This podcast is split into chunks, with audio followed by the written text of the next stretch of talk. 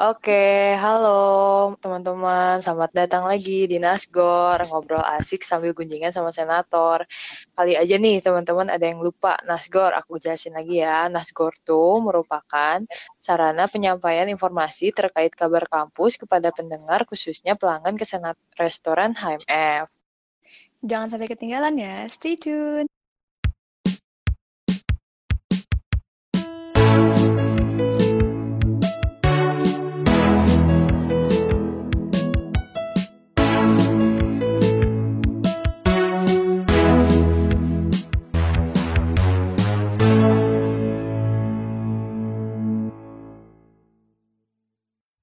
Perakan isu kampus butuh asupan isu yang cepat, ringkas, tapi menyenangkan. Langsung aja bersama Nasgor di Kesena Restoran HMF. Bisa diakses melalui Spotify Kesena Restoran HMF.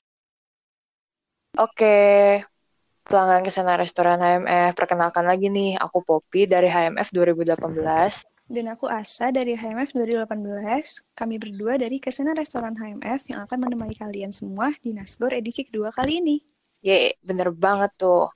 Terus akhir-akhir ini nih guys, ramai banget diperbincangin isu pelecehan seksual yang terjadi di sekitar kita. Nah, bisa kita lihat juga dari banyaknya korban yang mulai berani speak up di berbagai media sosial. Nah, selain itu, aksi proaktif dari masyarakat untuk mencegah hal tersebut juga mulai digerakkan. Dilihat dari banyaknya platform pelayanan dan pencegahan pelecehan seksual serta edukasi di masyarakat.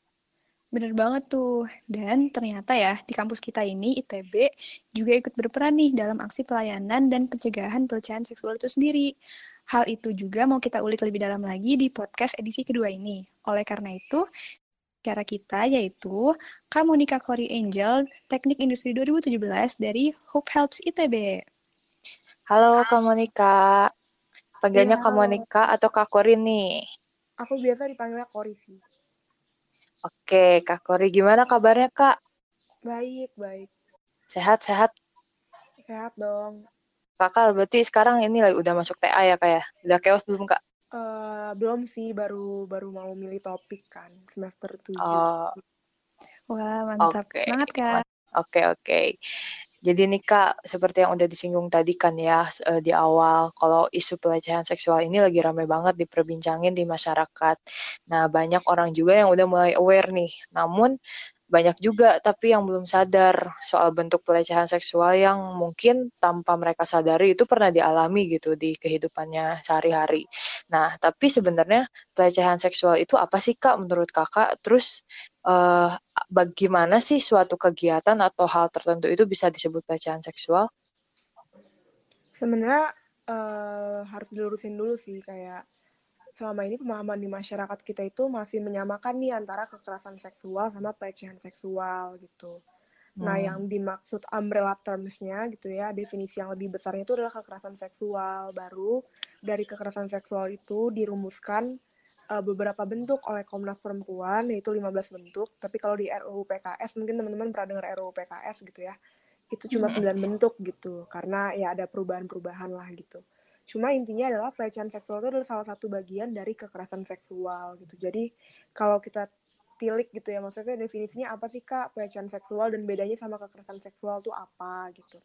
Kalau misalnya kekerasan seksual sendiri ya, kalau menurut RUU PKS itu adalah aku sukanya pakai definisi RUU PKS ya karena uh, lengkap banget gitu di situ pasal 1 ayat 1 kalau teman-teman mau ngecek. Kekerasan seksual itu adalah perbuatan yang merendahkan, menghina, menyerang dan atau perbuatan lainnya terhadap tubuh, hasrat seksual seseorang dan atau fungsi reproduksi secara paksa bertentangan dengan kehendak seseorang itu yang menyebabkan seseorang tidak mampu memberikan persetujuan dalam keadaan bebas karena ketimpangan relasi kuasa atau relasi gender dan berakibat penderitaan atau kesengsaraan secara fisik, psikis, seksual, kerugian secara ekonomi, sosbud dan atau politik gitu. Mungkin itu panjang banget ya teman-teman. Tapi mungkin kalau hmm. misalnya aku sum up gitu ya, jadi kekerasan seksual ini adalah tindakan atau perilaku terhadap seseorang yang menyebabkan orang tuh jadi nggak bisa memberikan konsen atau persetujuannya secara bebas gitu dan hal itu hmm. mengakibatkan efek-efek yang tadi disebutkan di akhir gitu baru di bawahnya di salah satu bentuk-bentuk kekerasan seksual ada yang namanya pelecehan seksual nih yang mungkin kita sebagai kayak uh, ngeliat atau mungkin pernah ada yang merasakan gitu karena si pelecehan seksual ini memang uh, definisinya lebih spesifik lagi nih gitu. Mungkin kalau aku bisa bacain gitu ya. Uh, si pelecehan seksual ini apa sih kak gitu pelecehan seksual ini adalah sebuah tindakan non fisik maupun fisik gitu ya yang bersifat seksual dengan sasaran organ seksual atau seksualitas korban gitu jadi hal-hal yang termasuk uh, catcalling gitu atau ujaran-ujaran bernada seksual yang membuat tidak nyaman gitu itu bisa dianalogikan sebagai pelecehan seksual gitu. Jadi itu mungkin definisi singkatnya lah tentang kekerasan seksual dan pelecehan oh, seksual. Itu, gitu. Oke, mungkin ini di luar topik ya. Cuman aku pengen nanya aja sih. Jadi kalau misalkan di medsos juga gitu kak, kalau misalkan ada kata-kata yang kayak gitu itu udah termasuk uh, pelecehan seksual juga ya kak? Nah jadi sebenarnya uh, aku suka menjawab pertanyaan seperti itu dengan kayak kan banyak tuh yang suka nanya ya kak kalau misalnya kayak gini uh, pelecehan atau kekerasan bukan gitu. Nah, kita bisa ngelihat definisi yang udah didefinisikan sama RUU PKS tadi. Uh, di Instagram kita sendiri udah ada sih gitu kayak aku tuh menganalogikannya sebagai check checkpoints hmm. gitu. Jadi, yang pertama, kalau misalnya kita mau melihat sesuatu tuh sebagai bentuk kekerasan seksual atau bukan gitu ya. Pertama kita harus lihat apakah bentuknya tindakan gitu. Nah, tindakan ini bukan hanya tindakan yang sudah dilakukan, tapi bisa juga tindakan yang berupa niat atau percobaan hmm. gitu. Kalau memang sudah jawabannya iya gitu ya itu berupa tindakan kita bisa lanjut gitu ke pertanyaan selanjutnya. Apakah uh, tindakan itu memuat nafsu perkelaminan hasrat seksual atau fungsi reproduksi gitu? Itu banyak hal ya yang termasuk tiga hal itu misalnya uh, tentang seks masturbasi atau uh, pegang-pegang gitu kan cium peluk kebiri aborsi kayak gitu tuh bisa gitu. Kalau memang termasuk dalam salah satu hal itu kita lanjut ke checkpoint selanjutnya gitu checkpoint selanjutnya adalah apakah hal itu bertentangan dengan kehendak seseorang gitu. Kalau memang bertentangan dengan kehendak seseorang, kita lanjut lagi ke checkpoint selanjutnya yaitu apakah hal itu disebabkan oleh relasi kuasa atau relasi gender gitu. Kalau memang uh, disebabkan oleh relasi kuasa atau relasi gender, uh, ya udah gitu. Berarti sampai checkpoint yang terakhir banget gitu ya, yaitu apakah itu menyebabkan efek yang tadi gitu ya, efek yang mengganggu sosial, budaya dan segala macamnya kita bisa menyebut itu sebagai kekerasan seksual gitu. Jadi uh, kalau ujaran-ujaran yang ada di Twitter gitu ya mungkin tadi kan katanya panjang banget checkpointnya ya, tapi kalau udah ada lima aspek itu, apakah itu niat atau percobaan, persetujuannya ada atau enggak, dan apakah itu mengakibatkan efek yang nggak baik gitu ya bagi si orang yang membacanya, ya kita udah bisa menganalogikan itu sebagai salah satu bentuk kekerasan seksual. Oke, okay.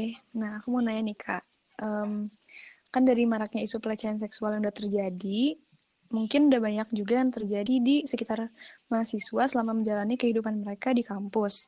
Dan rata-rata mahasiswa itu uh, yang menjadi sebagai target sasarannya. Nah, menurut Kak Kori sendiri, apa pandangan kakak terhadap isu pelecehan seksual yang terjadi di kampus, terutama di kampus kita, yaitu ITB? Uh, Sebenarnya masalah dari hal ini sendiri adalah kita tuh nggak sadar kalau ternyata ada loh gitu pelecehan seksual di ITB gitu dan di sekitar mahasiswa gitu ya. Mungkin kita di sini bicaranya lebih spesifik ke pelecehan seksual karena ya apa ya bentuk-bentuk yang lebih lebih aku nggak suka mengeneralis apa ya mentingkat-tingkatkan sesuatu lah cuma intinya uh, memang kayaknya pelecehan seksual tuh lebih lumrah terjadi di kalangan mahasiswa gitu dibanding misalnya perkosaan atau yang bentuk-bentuk lain yang memang kayaknya tingkatannya lebih lebih kelihatan lebih serius gitu. Nah, justru karena si pelecehan seksual ini kayaknya tuh nyaru aja dengan kehidupan kita sehari-hari, kita tuh sering kali menormalisasi hal tersebut gitu. Padahal faktanya jika kita tilik lagi dari definisinya dan dari kajian pustaka dan segala macam, ternyata yang termasuk dalam pelecehan seksual itu ada loh gitu di ITB gitu dan sudah ada surveinya gitu. Eskalasi isu pelecehan seksual yang dilakukan Sofwan dan tim gitu ya. Di situ dia bilang kalau misalnya ada sekitar 100 uh, 102 ya kalau aku nggak salah 102 responden yang merasa pernah melihat kejadian pelecehan seksual dan ada juga yang pernah mengalami gitu yang pernah mengalami itu kalau aku nggak salah sebanyak 70 orang. Hmm. Gitu jadi sebenarnya itu tuh hal yang ada gitu dan nyata tapi karena memang mungkin orang-orang belum tahu tentang definisi pelecehan seksual itu secara realnya kayak gimana sih gitu. Jadi orang-orang cenderung menormalisasi hal tersebut gitu dan ketika surveinya beneran keluar orang-orang kaget nih gitu. Oh ternyata di ITB mm -hmm. ada ya gitu. Tapi kan selama ini sebenarnya pertanyaan yang muncul adalah hanya bertanya apakah di ITB ada tapi kita nggak pernah menggali benar-benar apakah uh, yang kita lakukan ini selama ini pelecehan seksual bukan sih gitu. Nah yang jadi masalah lagi menurut aku di kalangan mahasiswa ITB ini adalah selama ini kita selalu bertanya-tanya apakah kasusnya ada sebelum kita next step selanjutnya nih gitu. Karena kan ITB banget ya perlu needs perlu kebutuhan untuk memetakan sebuah hal gitu kan. Mungkin nggak nggak ITB kali anak teknik lah gitu kan. Memang perlu rasionalisasi yang jelas dan kayak gitu-gitu. Nah, uh, itu sih sebenarnya yang bikin itu jadi masalah karena ya masa kita harus nunggu sampai kasusnya banyak dulu sih baru kita ngomongin tentang hmm. hal ini gitu. Itu sih dua pokok permasalahan yang aku lihat uh, terhadap kasus ini gitu di kalangan hmm, mahasiswa. Hmm, Oke, okay, Kak. Berarti Kak dari yang apa sih survei gitu itu nggak bener-bener nggak ditanya detailnya gitu gimana misalkan kalaupun ada bisa aja kan dia uh, kayak cuman ngaku-ngaku aja gitu. Tapi bisa aja enggak gitu. Nah itu hmm. buat lebih jelasnya gitu. Kalau buat memastikan kalau emang pertanyaannya itu ada kekerasan seksual hmm. atau enggak itu ada tambahan lagi enggak pertanyaannya gitu yang lebih spesifik. Emang di situ tuh ada section yang memang kuat banget gitu. Itu itu nggak nggak terbantahkan. Sectionnya itu adalah ngebahas tentang ceritakan cerita lo. Kalau misalnya lo pengen cerita hmm. gitu tentang tentang kasus yang lo alamin dan tuh masuk gitu masuk ceritanya dan tujuh cerita. Jadi kayak hal ini udah terjadi lama gitu sih kayaknya. Nah kalau misalnya masalah angka ya gue juga nggak berani jamin sih gitu ya. Karena itu kuesionernya hmm. lemah gitu ya. Maksudnya bener apa enggak tapi kalau misalnya ada atau enggak ya ada gitu. Karena ada ceritanya yang konkret gitu. Dan ada beberapa orang yang ngasih kontak untuk oh. dihubungin wow. Gitu. okay. oh my god. Eh kak berarti kalau udah dihubungin gitu tindak lanjutnya apa tuh ya ada aja yang kayak pengen cerita aja gitu loh. Kayak jadi gini hmm. sih sebenarnya yang yang kayak aku juga bertahu ya kan aku juga dulu kan aku juga dulu kan bukan aku kan dulu juga bukan kayak orang yang aware awake banget nih sama kasus-kasus kayak gini-gini gitu terus satu hal yang kayak gue pelajarin dari trainingnya itu adalah yang namanya perspektif korban hmm. gitu. Ini emang agak absurd sih kalau kita pikirin pakai otak anak teknik nih gitu kan. Karena kayak perspektif korban ini adalah lo tuh nggak nggak bisa nggak percaya korban gitu. Jadi ketika dia pengen cerita ke lo ya lo nggak bisa uh, nanya lagi balik gitu ke dia. Apa ya pertanyaan-pertanyaan yang kayak bukan pertanyaan sih lebih ke pertanyaan ke korban tuh nggak bisa yang kayak memverifikasi bener atau enggak mm -hmm. yeah. jadi sebenarnya menurut gue pribadi ya dari gue yang maksudnya gue udah udah banyak ngeliat hal-hal gitu ya kayak untuk orang berani buat ngisi kuesioner itu aja itu udah kayak amazing gitu. Karena sering kali ya ketika orang kayak ngaku nih ke dirinya sendiri gitu atau ke orang lain kalau dia korban pelecehan mm-hmm. seksual itu berat yeah. banget. Karena pertama dia aja udah malu gitu. Itu udah kayak aib buat dia. Yeah, dan gue gak ngerti sih kenapa di Indonesia itu dianggap aib. Tapi itu aib mm. kayak gitu. Jadi itu sih sebenarnya. Yang gue bikin bingung kalau pertanyaannya maksudnya kayak kalau misalnya nanya apa sih namanya bener atau enggak. Karena kalau misalnya di ilmu kekerasan seksual ini kayak korban tuh selalu benar hmm. gitu di awal gitu. sampai nanti emang ada kasus ada kayak pembuktiannya gitu guys di tengah sampai akhir nanti ada penulisan kronologis dan segala macam itu hmm. baru kelihatan kan apakah dia berbohong atau enggak dan segala macam oke oke okay, okay. uh, kak Kauri aku mau nanya nih sebenarnya apa sih yang mahasiswa suka salah kaprah tentang uh, kekerasan seksual ini Uh, sebenarnya tentang konsep konsen sih gitu. Jadi mungkin aku pengen ngasih tahu sedikit tentang konsep konsen. Konsen itu adalah persetujuan dalam keterlibatan dalam aktivitas seksual hmm. gitu, guys. Uh, si konsen ini aku tuh sukanya kalau nge ngasih tahu ke orang dalam lima bentuk gitu. Jadi phrase namanya, phrase kentang, mm -hmm. F R I E S. Yang pertama freely given. Jadi konsen itu harus diberikan dalam keadaan bebas gitu. Jadi nggak terpaksa nggak dalam keadaan mabuk gitu. Terus R reversible. Jadi konsen kamu tuh nggak harus kayak ya udah kalau kamu udah ngasih konsen kamu nggak bisa berubah gitu. Ibaratnya kayak karet lah gitu. Kalau misalnya abis ditarik bisa dikembalikan lagi gitu. Misalnya kayak gini. Ketika kamu bilang kamu mau pergi sama orang gitu besok gitu ya. Tapi di besok hari itu kamu kayak berubah pikiran kamu nggak jadi pergi sama orang gitu. Kamu nggak pengen pergi sama dia hmm. besok gitu. Itu hak kamu untuk ngomong enggak hmm. gitu jadi nggak nggak serta merta ketika kamu udah ngomong iya kamu nggak bisa ngubah pikiran kamu. Itu yang namanya reversible. Terus i gitu. I itu adalah inform. Jadi semua hal itu harus dikasih tahu sampai akhir gitu. Jadi nggak boleh yang namanya uh, ngasih tahu tuh setengah-setengah dan bikin misleading gitu. Kan sering kan misalnya anak remaja nih kan ngomongnya uh, ayo kita ke kosan gitu. Taunya bukan bukan cuma di ke kosan nih hmm. gitu kan. Kayak ngapa-ngapain gitu. Hmm. kayak gitu. Nah hal-hal kayak gitu tuh yang nggak boleh gitu. Itu bukan konsen yang murni gitu.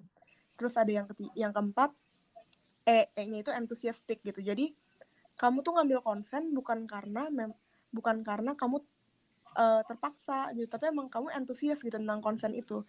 Misalnya kayak pacar kamu kan ngajak jalan gitu. Terus kamu mau nggak jalan sama dia Nah, itu konsen yang entusiastik gitu emang karena kamu pengen jalan sama dia gitu, bukan karena misalnya uh, kamu dipaksa untuk ngelakuin apa sama dosen kamu. Nah, kamu tuh takut ngelakuin kalau nggak ngelakuin itu kamu bakal salah atau bakal nilainya dikurangin gitu. Nah, itu bukan konsen yang entusiastik gitu. Terus yang terakhir uh, S gitu spesifik. Jadi satu konsen untuk satu hal gitu. Yang tadi aku bilang sebenarnya agak mirip sama inform. Ketika kamu kayak diajak ke suatu tempat, untuk misalnya uh, masak nih gitu kan misalnya anak sih anak mahasiswa sukanya kan pacaran ya gitu ya kayak masak yuk ke kosan aku gitu terus nanti sampai kosan ternyata dia minta peluk gitu atau minta hmm. cium hmm. gitu nah kamu berhak untuk ngomong enggak gitu bukan dengan kamu pengen ke kosan dia bukan berarti kamu setuju untuk melakukan hal-hal kayak gitu sama dia gitu itu yang suka mahasiswa salah kaprah tentang konsen dan akhirnya kalau konsen itu nggak tercapai ya itu udah bisa disebut sebagai pelecehan seksual hmm. gitu. Oke. Okay. Nah, dengar-dengar nih Kak, ada platform baru untuk pelayanan pendampingan kekerasan seksual di kampus kita ini. Nah, yaitu Hope Helps ITB. Mungkin nih dari Kak Kori bisa jelasin lebih lanjut, lebih detail gitu. Karena banyak teman-teman juga yang pengen tahu lebih dalam sebenarnya apa sih Hope Helps ITB itu dan alasannya terbentuknya Hope Helps ini itu apa sih Kak? Boleh Kak? Silahkan. Nah, iya, jadi Hope Helps TB itu adalah pengada layanan cepat tanggap kekerasan seksual di kampus gitu. Jadi nggak cuma pelecehan, tapi kita juga ya kita intinya nge-provide bantuan buat semua bentuk kekerasan seksual gitu. Nah, buat pelayanannya sendiri, kita tuh ngasih tiga pelayanan. Pelayanan yang pertama adalah pelayanan uh, bantuan psikologis. Jadi kita bekerja sama dengan Yayasan Jari di Bandung yang bisa ngasih kamu yang hmm. merupakan korban itu adalah layanan psikologis gratis gitu. Terus yang kedua, uh, kalau layanan hukum kami juga bekerja sama dengan LBH Bandung, jadi bisa nge-refer kasus uh, yang memang mau dibuktikan ke sana gitu. Dan yang ketiga, uh, jalur administratif kampus gitu itu kayak layanan lain-lainnya kami lah gitu ya, yang selain psikologis dan selain hmm. hukum gitu. Jadi uh, administratif kampus ini apa sih gitu ya? Jadi buat korban-korban uh, yang memang pengen kasusnya itu untuk di uh, dicari keadilannya lah gitu ya lewat sanksi yang memang bisa diberikan kampus, ya kami sudah membreakdown hal tersebut dan siap menemani gitu kalau misalnya memang korban ingin gitu. Uh, sebenarnya kalau misalnya ditanya Hope Help ini organisasi apa sih gitu ya? Kayaknya kok kayaknya kayak cuma kayak gitu doang. Nah emang kayak gitu doang, kita cuma jadi pendamping gitu loh. Kayak kita nggak yang memang kita memberikan edukasi, memberikan uh, pelatihan, edukasi gitu kan jika diminati gitu ya sekarang juga kayak aku ngomong di podcast podcast kayak gini itu juga bagian dari edukasi yang diberikan Hope Help gitu. Cuma memang kalau core bisnis kita ha, ya itu gitu menjadi pendamping buat korban kekerasan seksual gitu. Nah itu Hope Help tuh itu itu definisinya. Tapi kalau misalnya ngomongin ke belakang lagi gitu ya sejarahnya Hope Help tuh apa sih gitu? Mungkin aku bisa nge-breakdown sedikit tentang Hope Helps-nya itu sebagai suatu struktur gitu. Karena Hope Helps ITB itu merupakan branch dari Hope Helps Network gitu. Nah, Hope Helps Network ini adalah ekspansi gitu dari Hope Helps yang awalnya berada di UI. Jadi di UI awalnya uh, Hope Helps terbentuk, terus di tahun 2020 ini uh, alumni-alumni pengurus Hope Helps UI pengen ekspansi aja gitu supaya memang mimpi mereka kan kampus Indonesia yang aman dari kekerasan seksual kan. Jadi mereka mulai ekspansi ke beberapa beberapa universitas gitu dan salah satunya ITB gitu. Nah, waktu itu kebetulan aku sama teman-teman aku juga mau bikin NGO yang serupa yang memang bergerak menjadi pendamping aja dan mengadvokasi korban kekerasan hmm. seksual di kampus. Cuma karena keterbatasan ilmu kan kami anak teknik ya. Jadi ada beberapa prinsip hukum dan psikologis yang hmm. kami nggak ngerti gitu.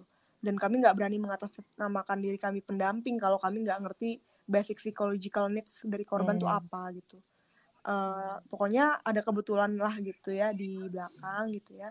Tiba-tiba ditawarin gitu karena mereka tahu kami mau bikin ditawarin. Dan akhirnya pas aku lihat nilainya value-nya sepertinya sama dan juga mereka ngasih training dan pelatihan untuk untuk calon pendamping jadi why not gitu. Menurut aku nggak penting lah di bawah nama siapa yang penting esensinya hmm. sama gitu. Itu sih kalau sejarah okay. terbentuknya mantep sih itu mantep mantep banget kayak sesuatu yang kecil gitu. Jadi apa ya bisa menumbuhkan rasa apa ya walaupun emang nggak penting sih ya di bawah apa pun itu yang penting esensinya gitu kan kak.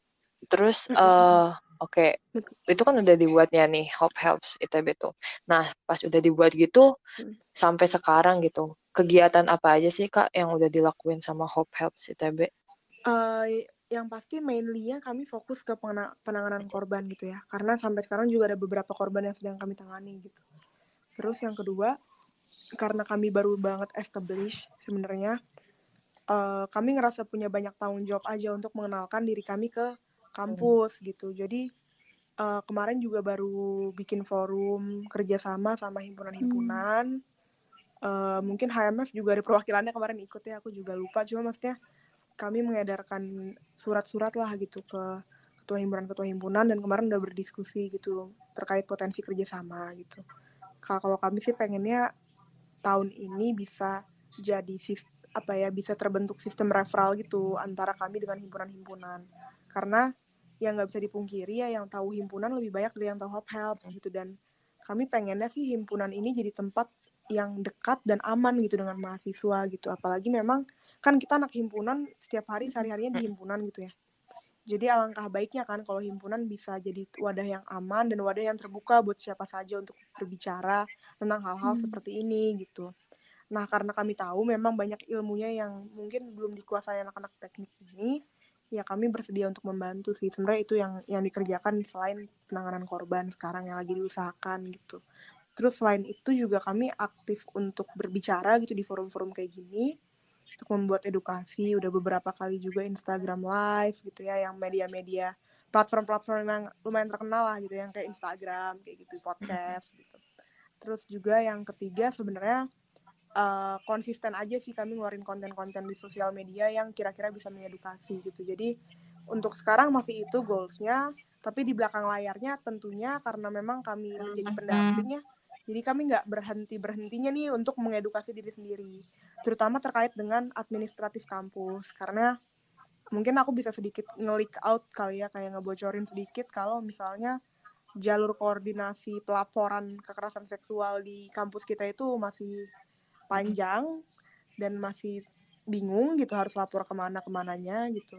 Masih kurang transparan gitu ya dan melibatkan banyak entitas kampus gitu. Jadi untuk kami yang memang bukan anak apa ya maksudnya kami nggak punya akses ke situ lah gitu sebelum Hope Helps memang pelan-pelan gitu dan sampai saat ini masih diusahakan. Gitu. Hmm.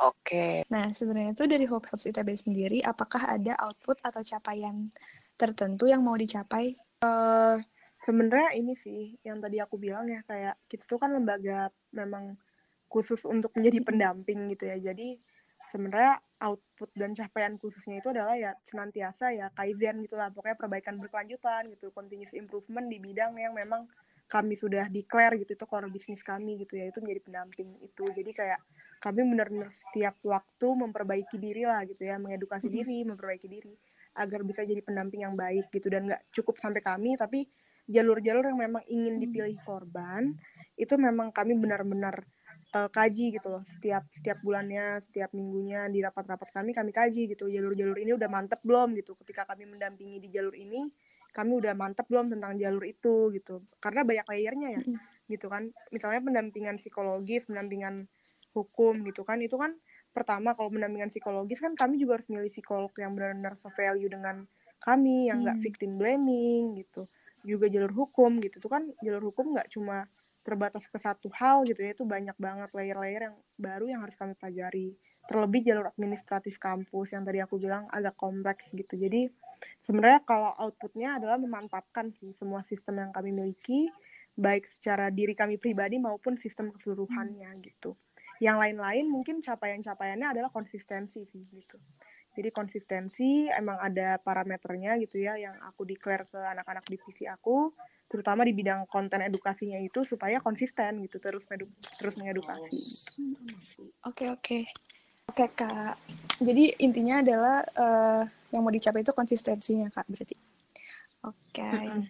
Nah uh, sebenarnya tadi udah jelasin juga sih kak uh, terkait kerjasama sama Hope Helps dari cabang UI ya. Nah, uh, sebenarnya uh, tuh uh. ada nggak sih kayak korelasi antara proker-proker uh, di sana dan proker yang di ITB gitu kak. Jadi kayak ada nggak misalnya dalam hal pemberian edukasinya sama atau infografis yang di share di sosmednya kayak gitu atau gimana ya kak?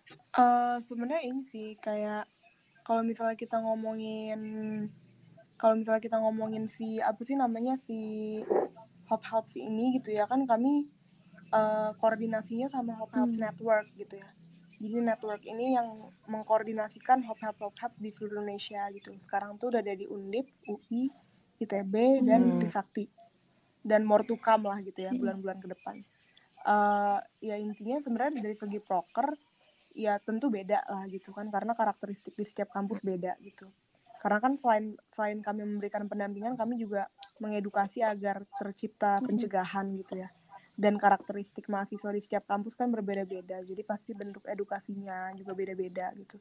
Bentuk kerjasamanya aja juga udah pasti beda. Karena kayak kalau di sini kan uh, kemahasiswaan didominasi hmm. oleh himpunan. Kan, kan kalau misalnya di UI gitu ya mereka lebih ke bem hmm. fakultas gitu. Itunya aja udah bentuknya udah beda kan bentuk strukturnya gitu. Cuma yang sama memang trainingnya gitu. Jadi training yang diberikan mindset yang diberikan gitu perspektif korban yang diajarkan tuh materinya sama karena trainingnya terpusat ah. gitu cuma untuk implementasi jadi prokernya ya pasti beda-beda oke oke okay. dari pemaparan sebelumnya nih kak kan udah jelasin nih segala hal yang berkaitan dengan hope helps nah tapi yang paling penting nih tadi juga sebenarnya udah sempat disinggung sih soal kalau misalkan ITB kan soal lapor yang seperti ini tuh masih terbilang panjang kan. Nah, kalau buat uh, Hope Help sendiri nih, gimana sih alurnya buat hmm. mahasiswa gitu kalau misalkan pengen ngelapor, kalau misalkan si mahasiswa tersebut mengalami pelecehan atau kekerasan seksual itu?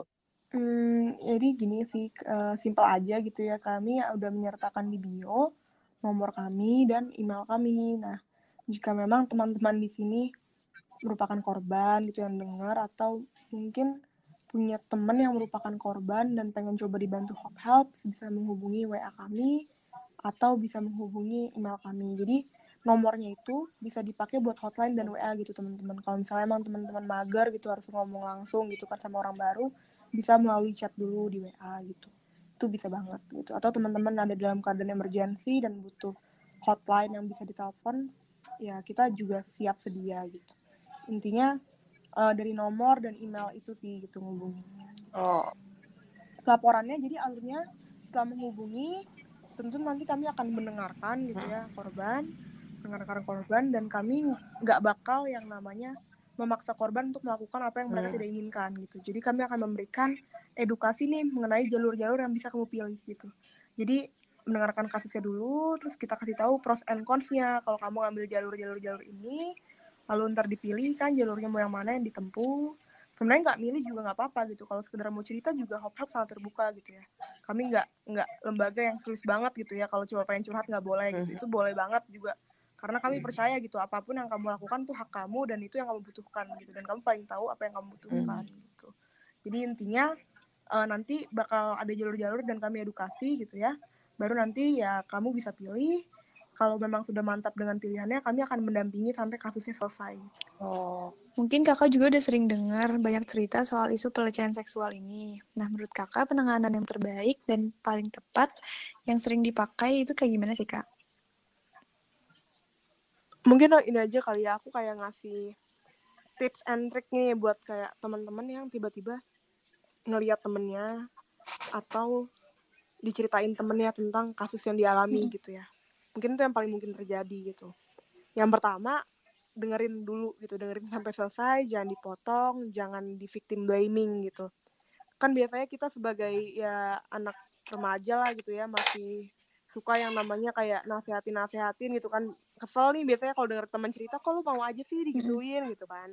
Terus akhirnya malah jadi ngasih saran-saran yang jadinya membebani korban gitu. Karena ketika mereka kena kasus ini ya bukan apa ya kondisi mentalnya kondisi psikologisnya itu tuh nggak sama dengan kita yang memang nggak kena kasus apa apa gitu. Dan tingkat resiliensi setiap orang tuh beda-beda gitu. Jadi uh, emang ada orang yang misalnya di catcall ya udah baik-baik aja fine aja. Tapi ada juga orang yang di catcall uh, kondisi mentalnya sampai kayak gimana gitu. Jadi tolong hati-hati dalam menanggapi cerita temennya gitu. Tolong berempati tolong jangan victim blaming. Ketika memang dia udah bisa berpikir dengan jernih bisa menentukan hal dengan baik baru bisa diedukasi gitu tentang misalnya lembaga-lembaga pelayanan seperti kami gitu. Kalau misalnya memang iya pengen dibantu bisa dihubungkan kayak gitu-gitu sih.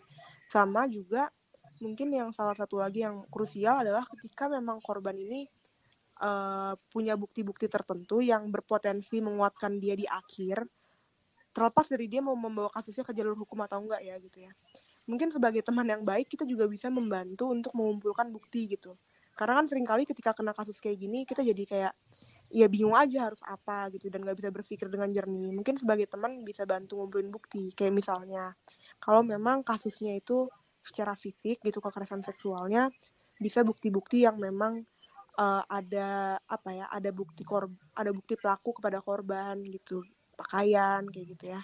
Itu bisa dikumpulkan gitu dan ditaruh dalam plastik gitu. Jadi biar nggak nyaru ke mana-mana gitu dan masih ada kayak ya sidik jari dan segala macamnya gitu. Terus kalau misalnya memang bentuknya bukan fisik gitu bentuknya misalnya dari sosial media nih yang lagi rame juga kan itu juga bisa kayak disimpan gitu bukti chatnya atau kayak gimana nya gitu. Dan uh, harus hati-hati ya nyimpennya karena nggak boleh nyim kayak main kirim-kirim aja nih lewat sosial media misalnya lain gitu karena berpotensi kena UU ITE gitu jadi harus benar-benar dihati-hati gitu nyimpennya. Kalau memang nggak nggak paham-paham amat apa yang harus dilakukan dengan file itu ya udah disimpan dulu aja yang rapi dan jangan disebarkan gitu. Hubungi orang-orang yang memang kompeten dan dan mengerti tentang bidang ini gitu. Itu sih kalau sebagai teman gitu ya. Tapi kalau misalnya uh, kalau misalnya gini kamu kayak ngelihat kasus kekerasan seksual nih gitu ya di jalanan gitu tiba-tiba apa yang harus kamu lakukan nih? Misalnya kamu bukan teman dia kamu hanyalah strangers gitu. Apakah kamu diam aja atau kamu harus melakukan sesuatu mm -hmm. gitu? Nah kamu bisa ngelakuin yang namanya 5D gitu. Tapi ini agak panjang jadi aku rangkum aja gitu ya. Mm. jadi beberapa.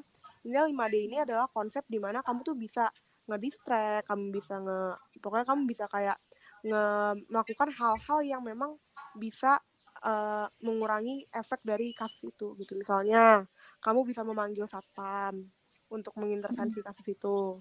Atau kamu juga bisa pura-pura ngajak ngobrol si korban biar si pelakunya pergi.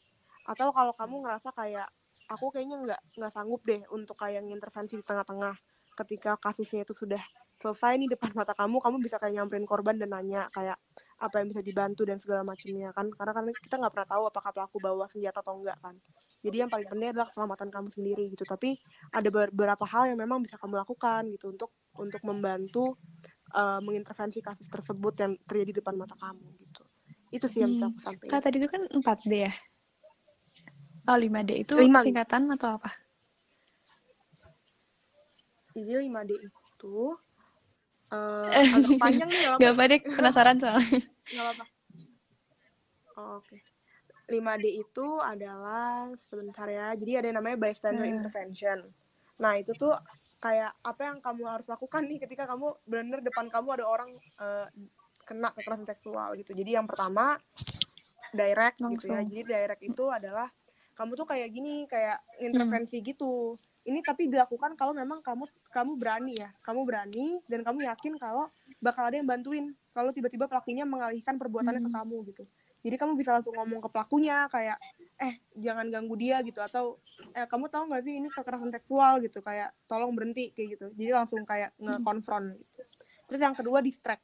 Jadi distract itu kamu bisa ngelakuin kayak kayak direct tapi lebih hmm. soft gitu.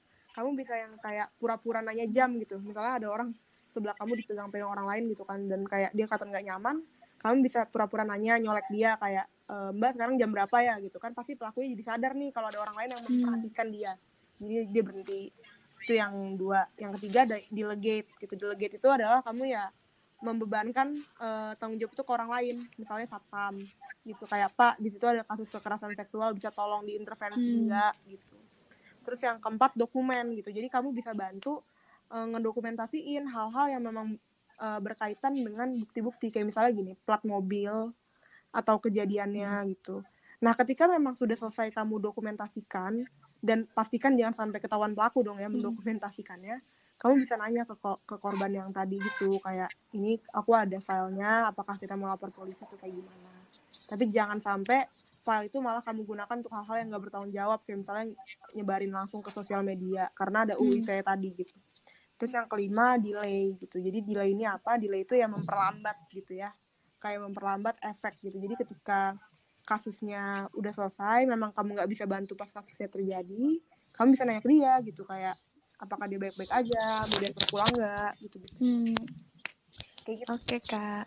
Pak, ini tuh sebenarnya cuman Hope Helps, Hope Helps ITB itu sendiri tuh cuman untuk anak ITB kah? Atau mungkin uh, kan tadi udah disebutin empat kampus ya seingat aku itu boleh nggak sih selain uh, mahasiswa di kampus itu atau mungkin uh, yang bukan mahasiswa juga bi bisa minta bantuan ke Hope Helps gitu kak? Uh, jadi Hope Helps itu sebenarnya skopnya dua ya, Civitas Akademika ITB mm -hmm. yang memang uh, ada di dalam atau di luar gitu kejadiannya nggak harus di dalam kampus tapi bisa juga di luar kampus gitu mm.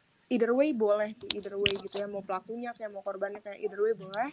Dan yang kedua adalah skopnya si uh, sivitas akademika dan non sivitas akademika yang ada di dalam. Jadi semua kasus kekerasan seksual dari dalam kampus.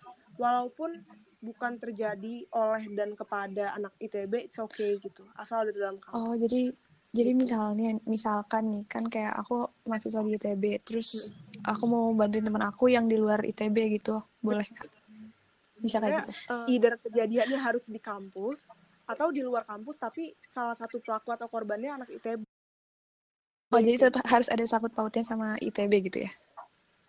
Ah. Tapi kalau misalnya enggak pun hmm. sebenarnya biasanya kami bakal nge-refer gitu. Jadi uh, memang juga ada gitu yang laporan yang memang enggak dari ITB gitu ya sama sekali. Pelaku korban maupun tempat mm. gitu. Dan biasanya kami refer ke uh, misalnya dia orang Jakarta kami refer ke yang lebih ini yang lebih berhubungan aja kayak misalnya Hop Hubs UI atau biasanya kami refer ke LBH Apik, Yayasan Pulih kayak gitu kok di Jakarta. Hmm. Kayak gitu-gitu sih biasanya. Oh, oke okay, oke. Okay. Terakhir nih Kak, kira-kira ada pesan nggak buat pelanggan ke sana restoran HMF ini terkait dengan isu pelecehan seksual? Uh, sebenarnya ini sih kayak pesan aku terus mengedukasi diri sendiri aja karena kita nggak pernah tahu gitu kapan kapan kita mengalami kapan kita bisa melakukan gitu. Jadi kayak semua hal tuh possible gitu. Jadi menurut aku pribadi lebih wise kalau kita terus mengedukasi diri kita supaya kita nggak nggak jadi pelaku kekerasan seksual gitu di mana pun kita berada gitu. Dan mungkin kalau kita udah tahu gitu ya definisi dan artian dan segala macamnya kita bisa elevate diri kita untuk ikut membantu teman-teman yang memang di sekitar kita yang memang membutuhkan bantuan kita gitu. Karena kan kita nggak pernah tahu momennya kapan gitu. Jadi ada baiknya kita berjaga-jaga gitu. Jadi itu sih pesan aku buat teman-teman mahasiswa. Dan juga mungkin uh, kita juga bisa ini kali ya kayak ikut membantu sih. Kalau misalnya memang teman-teman di sini ada yang memang butuh atau teman-teman di sini ada ada yang merasa teman-temannya butuh bantuan gitu ya bisa langsung menghubungi Hope Help ITB gitu. Untuk uh, diberikan pendampingan kayak gitu sih. Oke. Okay. Oke okay, kak. Oke okay, mantap banget pesannya. Ya buat teman-teman di sini sama buat pelanggan ke sana restoran. Nah oke okay, buat terakhir ini sebagai penutup. Jadi makasih banget nih buat Kak Kori atas waktunya udah ngeluangin waktu bersama kami semua di sini dan bisa menjalaninya dengan lancar. Semoga kakak juga ke depannya dilancarin nanti buat TA-nya, terus sehat-sehat juga buat kak Kori, amin. Terus uh, bahagia selalu walaupun kita kuliah daring, tetap produktif. Gimana nih pelanggan ke sana restoran? Menarik banget kan informasi dan insight baru yang udah kita dapetin dari Kak Kori tadi. Nah, sampai di sini Nasgor episode 2 yang membahas terkait isu pelecehan seksual oleh Komunika Kori Angel Teknik Industri 2017 dari Hope Helps ITB. untuk tema terkait isu berikutnya yang ingin dibicarakan, pelanggan ke sana restoran HMF bisa nih langsung aja request ke Instagram at kesanatoran HMF atau secara pribadi menghubungi Badan Kesanatoran HMF ya. Nah, bener banget. Nah, untuk terakhir nih, makasih dan maaf kalau misalkan ada salah kata dari kami semua. Jangan lupa juga untuk terus mendengarkan podcast Natskur Ke sana Restoran HMF berikutnya. Aku Poppy dari HMF 2018. Dan aku Asa dari HMF 2018. Pamit undur diri. Dadah!